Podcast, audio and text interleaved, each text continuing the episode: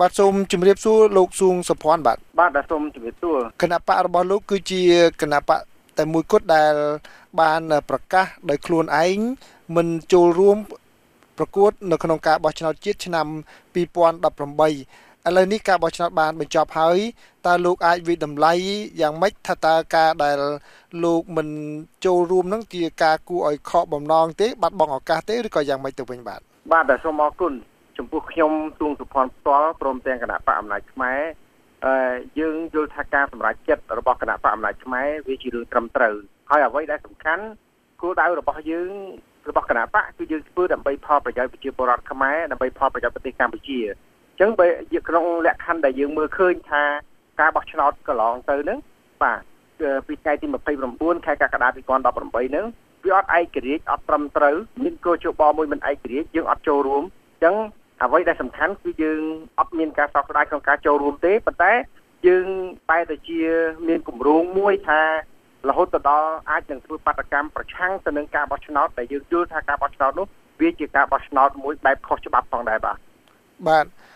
ការប្រឆាំងនឹងការបោះឆ្នោតខុសច្បាប់ហ្នឹងហេតុអីបានជាលោកចង់ធ្វើនៅពេលនេះហេតុអ្វីបានជាមិនធ្វើ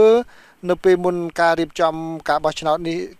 ចាប់ផ្ដើមទៅទៀតកាលពីថ្ងៃអាទិត្យកន្លងមកនេះណាបាទបាទសូមអរគុណបើយើងនិយាយអំពីលក្ខខណ្ឌច្បាប់អឺរឿងមួយដែលមិនអាចមិនទាន់កើតឡើងបាទរឿងមួយដែលមិនទាន់កើតឡើងករណីណាមួយដែលមិនទាន់កើតឡើងហើយយើងបង្កើតហេតុការណ៍ណាមួយប្រឆាំងឬជំទាស់ភាគីមួយដែលគេកំពុងរៀបចំគេនឹងសំអាងលេសថាវាអញ្ចេះមួយអញ្ចោះពីរចឹងទៅអញ្ចឹងហើយបានជា មុនការបោះឆ្នោតសម្រាប់គណៈបកអំណាចខ្មែរយើងបានចេញសេចក្តីថ្លែងការណ៍ពីរទី1គឺយើងអត់ចូលរួមការបោះឆ្នោតបាច់អហង្ការតែម្ដងគឺយើងអត់ចូលរួមការបោះឆ្នោតហើយសេចក្តីថ្លែងការណ៍មួយទៀតគឺយើងអត់ទទួលស្គាល់លទ្ធផលបោះឆ្នោតមុនការបោះឆ្នោតអញ្ចឹងក្រោយការបោះឆ្នោតនេះយើងយល់ថាវាជាហេតុផលមួយដ៏ល្អវាជាអឺវាជាពេលវេលាមួយដែលល្អដែលយើងបានឆ្លើយតបមុននេះហើយប៉ុន្តែហើយយើងបានព្យាយាម អឺបញ្ចេញជាសម្លេងនិងផ្ដាំផ្ញើទៅលោកនាយករដ្ឋមន្ត្រីហ៊ុនសែននិងគណៈបព្វជិជនកម្ពុជាដែរថាសូមឲ្យគិតសារឡើងវិញចំពោះការបោះឆ្នោតឲ្យថយក្រោយមួយជំហានដើម្បីប្រទេសកម្ពុជានិងប្រជាប្រដ្ឋកម្ពុជាដើម្បីលទ្ធិប្រជាធិបតេយ្យប៉ុន្តែយើងឃើញថាអ្វីអ្វីដែលយើងស្នើសុំគណៈបកស្នើសុំឃើញថាអត់បានទទួលផលអត់បានទទួលផ្លែផ្កាអ្វីទាំងអស់ចឹងហើយបានយើងសម្រេចថាបោះឆ្នោតហើយយើងឃើញសកម្មភាពយើងឃើញហេតុផល ដែលកើតឡើងពាក់ព័ន្ធនឹងគណៈបព្វជិជនបានរៀបចំឲ្យមានកោជបដែលជារបស់គណៈបព្វជិជននឹងយើងឃើញថាវាអយុត្តិធម៌វាមិនត្រឹមត្រូវតែទៅរំលាយគណៈបកសង្គមជាតិអីអញ្ចឹងបានយើងសរុបជារួមមកថាយើងសម្រេចចិត្តថាយើងត្រូវតែធ្វើបាតកម្មក្រោយការបោះឆ្នោតទៅវិញបាទបាទនៅក្នុងច្បាប់បោះឆ្នោតមានចំណុចមួយដែលលើកឡើងអំពីភាពគួរឲ្យទុកចិត្តបាននៃគណៈកម្មាធិការជាតិរៀបចំការបោះឆ្នោតហើយទង្វើរបស់លោកដែលចាត់ចោត គណៈកម្មាធិការនេះថាមិនធ្វើការបោះឆ្នោតបានត្រឹមត្រូវនឹងអាចនឹងប្រឈមមុខផ្លូវច្បាប់តើលោកព្រួយបារម្ភពីចំណុចហ្នឹងទេបាទសូមអរគុណចំពោះខ្ញុំផ្ទាល់ខ្ញុំ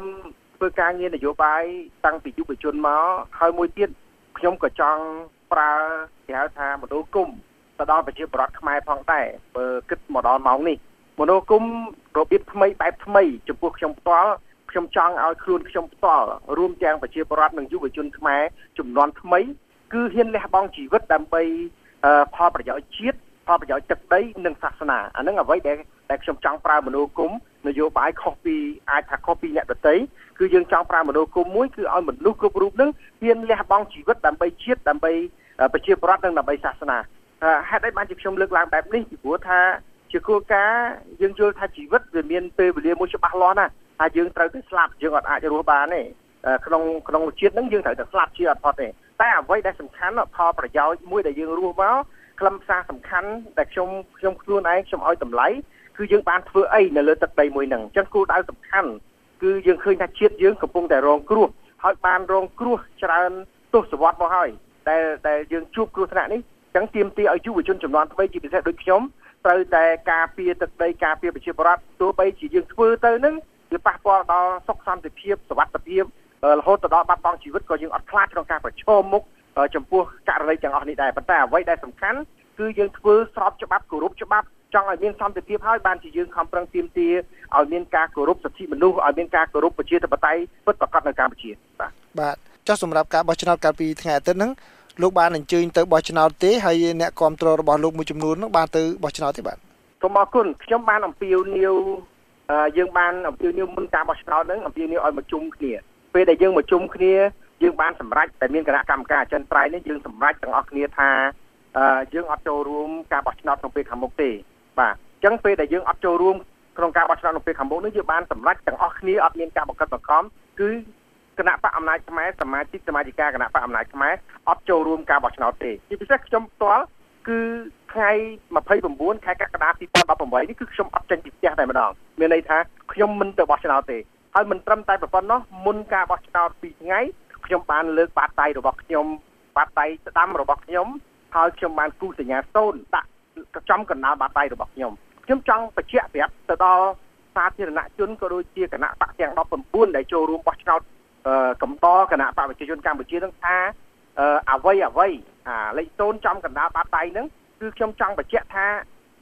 អ្វីអ្វីទាំងអស់វាស្មើនឹងលេខសូនសម្រាប់ថ្ងៃទី29 ខែកក្កដា2018រួមទាំងភាពជោគជ័យដែលគណៈបព្វជិជនថាខ្លួនជោគជ័យហ្នឹងក៏សូនដែរប៉ុន្តែជាតិនឹងឃើញថាហេតុផលតើវាយ៉ាងម៉េចអញ្ចឹងខ្ញុំសរុបរួមថាចំពោះខ្ញុំផ្ទាល់គឺអត់ទៅបោះឆ្នោតទេហើយក៏គ្មានថ្ងៃទៅបោះឆ្នោតដែរប្រសិនបើគោជបរបៀបហ្នឹងគោជបរបស់គណៈបកកណ្ដាលអំណាចរៀបចំដើម្បីតែគណៈបកកាន់អំណាចគណៈបកប្រជាជននឹងដើម្បីកាន់អំណាចអានឹងយើងអត់អាចចូលរួមបានយើងមិនអាចទៅបោះឆ្នោតរបៀបនឹងបានទេបាទ គណៈបកសង្គ្រោះជាតិដែលត្រូវតុលាការរំលាយនឹងហើយកំពុងតែធ្វើសកម្មភាពនៅក្រៅប្រទេសនេះបានអំពាវនាវយ៉ាងខ្លាំងក្លាឲ្យអន្តរជាតិដាក់សម្ពាធទៅលើរដ្ឋាភិបាលកម្ពុជានឹងមិនទទួលស្គាល់ហើយអាចនឹងមានសម្ពាធខាងផ្នែកសេដ្ឋកិច្ចតើលោកយល់យ៉ាងម៉េចដែរចំពោះប្រតិកម្មរបស់សហគមន៍អន្តរជាតិចំពោះការបោះឆ្នោតជាតិកាលពីថ្ងៃទី29ហ្នឹងបាទសូមអរគុណវាជាជំរើសចុងក្រោយ វាជាជំរើសចុងក្រោយវាជាជំរើសដែលល្អបំផុតសម្រាប់រដ្ឋាភិបាលកម្ពុជាសម្រាប់រដ្ឋាភិបាលកម្ពុជាដែលដឹកនាំដោយលោកនាយករដ្ឋមន្ត្រីហ៊ុនសែនខ្ញុំបានខ្ញុំអ្វីដែលខ្ញុំតាមដានអ្វីដែលក្នុងនាមយើងជាអ្នកនយោបាយក្នុងនាមយើងជាគណៈបកមួយយើងយល់ឃើញអ្វីដែលគណៈបកប្រជាជនកំពុងតែដើរនោះគឺដើរទៅជួសមរណៈហើយការសម្លាប់ការសម្លាប់លទ្ធិប្រជាធិបតេយ្យនៅកម្ពុជារបស់គណៈបកប្រជាជនកម្ពុជាហើយក៏ជាការរស់ឡើងវិញប្រជាធិបតេយ្យនៅកម្ពុជាដែរការរស់ឡើងវិញ ការសម្លាប់ប្រជាធិបតេយ្យនៅកម្ពុជានេះខ្ញុំចង់ជម្រាបថាគណៈបកប្រជាជននឹងហើយជាអ្នកសម្លាប់ដែលបង្កើតឲ្យមានកោជបរបស់គណៈបកដែលរំលាយគណៈបកសង្គ្រោះជាតិដែលធ្វើបាបអឺធ្វើបាបគណៈបកផ្សេងផ្សេងទៀតដែលចូលរួមការបោះឆ្នោតនេះគឺជាការសម្លាប់លទ្ធិប្រជាធិបតេយ្យនៅកម្ពុជាហើយការរស់ឡើងវិញក្រោយពីការសម្លាប់នេះខ្ញុំចង់បញ្ជាក់ថាការរស់ឡើងវិញនេះគឺកើតឡើងពីការខំខិតខំប្រឹងប្រែងពី អ្នកគ្រប់គ្រងនឹងគណៈដឹកនាំគណៈបកសង្គ្រោះជាតិនិងគណៈបកផ្សេងផ្សេងទៀតរួមទាំងគណៈបកអំណាចខ្មែរហើយក្រៅពីនេះទៀតគឺអន្តរជាតិដាក់សម្ពាធហើយការដាក់សម្ពាធនេះខ្ញុំយល់ឃើញថាវាជាទម្ងន់ធ្ងន់ណាស់សម្រាប់រដ្ឋាភិបាលកម្ពុជារដ្ឋាភិបាលកម្ពុជាអត់អត់អាចរស់នៅឯកោតែឯងទេពីព្រោះយើងយល់ឃើញថាសេដ្ឋកិច្ចកម្ពុជាអាចដើរទៅបានលើកលែងតែសហគមន៍អន្តរជាតិលើកលែងតែសហរដ្ឋអាមេរិកលើកលែងតែបណ្ដាប្រទេសមួយចំនួនហ្នឹងជួយជុំជួយជុំជ្រែងនិងចូលរួម ផ្ដល់ឱកាសក្នុងការនាំចេញផលិតផលអីផ្សេងផ្សេងទើបកម្ពុជាអាចអាចអាចអាចមានសេដ្ឋកិច្ចមួយល្អទៅកើតប្រហែលប៉ុណ្ណឹងនៅពិបាកផងដូច្នេះយើងយល់ឃើញថាការដាក់សម្ពាធរបស់គណៈបកសង្គ្រោះជាតិរួមទាំងការដាក់សម្ពាធរបស់អន្តរជាតិវាជារឿងមួយដែលត្រឹមត្រូវបាទបាទខ្ញុំសូមអធិស្ឋានសូមមួយសំណួរចុងក្រោយទៀតមុននឹងជម្រាបលាលោកគឺអ្វីដែលលោកបានលើកឡើងមកនេះ បូកនឹងទង្វើរបស់លោកនឹងហាក់ដូចជាស្របគ្នាជាមួយនឹងអ្វីដែលគណៈបកសង្គ្រោះជាតិប្រកាន់យកបើអញ្ចឹងដដែលហេតុអ្វីបានជាលោកមិនសម្រេចចូលទៅក្នុងគណៈបកសង្គ្រោះជាតិវិញទៅ ដែលសូម្បីតែរូបលោកក៏ធ្លាប់ជាបេក្ខជនអ្នកតំណាងរាស្ត្ររបស់គណៈបកសង្គ្រោះជាតិដែរនោះបាទសូមអរគុណខ្ញុំសុបិនផាន់ខ្ញុំកន្លងមកមូលហេតុដែលខ្ញុំចាក់ចេញពីគណៈបកសង្គ្រោះជាតិខ្ញុំយល់ឃើញថាខ្ញុំចង់ធ្វើជាគណៈបកប្រឆាំងមួយ បើអាចធ្វើជាប្រធានគណៈបកប្រឆាំងមួយដែលប្រឆាំងនឹងរដ្ឋាភិបាលកំពុងកាន់អំណាចនិងប្រឆាំងនឹងគណៈបកប្រឆាំងធំជាងគេនៅកម្ពុជាពីព្រោះអីខ្ញុំយល់ឃើញថាគណៈបកកាន់អំណាចក៏មានកំហុសគណៈបកប្រឆាំងធំជាងគេនៅកម្ពុជាក៏មានក៏មានកំហុសខ្លះដូច្នេះនៅពេលដែលខ្ញុំនៅគណៈបកប្រឆាំងមួយវាអាចក្នុងការជួយកំណែតម្រង់និងរិះគន់ពីក្រៅទៅយើងគិតថាមានប្រសិទ្ធភាពតែទោះបីជាយ៉ាងណាក៏ដោយខ្ញុំនិយាយជាចំហថា ក្រោយការបោះឆ្នោតនេះខ្ញុំសូមលើកម្រាមដៃមួយបាទម្រាមដៃខ្ញុំសូមលើកគេថា បាទលើកម្រាមដៃមួយវិញមានន័យថាយ៉ាងម៉េចលេខ1បាទលេខ1កណ្ដាលបាតដៃមួយវិញមានន័យថាម៉េចខ្ញុំមានឆន្ទៈមួយចង់ឲ្យគណៈបកទាំងអស់រួបរวมគ្នាគណៈបកប្រឆាំងទាំងអស់រួបរวมគ្នាដើម្បីយើងត្រៀមខ្លួនក្នុងការប្រកួតប្រជែងក្នុងការបោះឆ្នោតខាងមុខបាទហើយខ្ញុំជឿជាក់ថាការរួបរวมនេះនឹងមានការកើតឡើងដូច្នេះចេតនារបស់ខ្ញុំ ខ្ញុំសង្ឃឹមថាគណៈបកអំណាចខ្មែរគណៈបកប្រជាជាតិនិងគណៈបកផ្សេងៗទៀតយើងអាចធ្វើការងារជាមួយគ្នាហើយចំពោះខ្ញុំផ្ទាល់ក្នុងនាមយុវជនចំនួនថ្មីយើងពេញចិត្តនឹងការរួបរวมគ្នាក្នុងពេលខាងមុខបាទបាទសូមអរគុណលោកសួងសុភ័ណ្ឌដែលជាប្រធានគណៈបកអំណាចខ្មែរសូមជម្រាបលាលោកបាទបាទសូមជម្រាបលាសូមអរគុណបាទ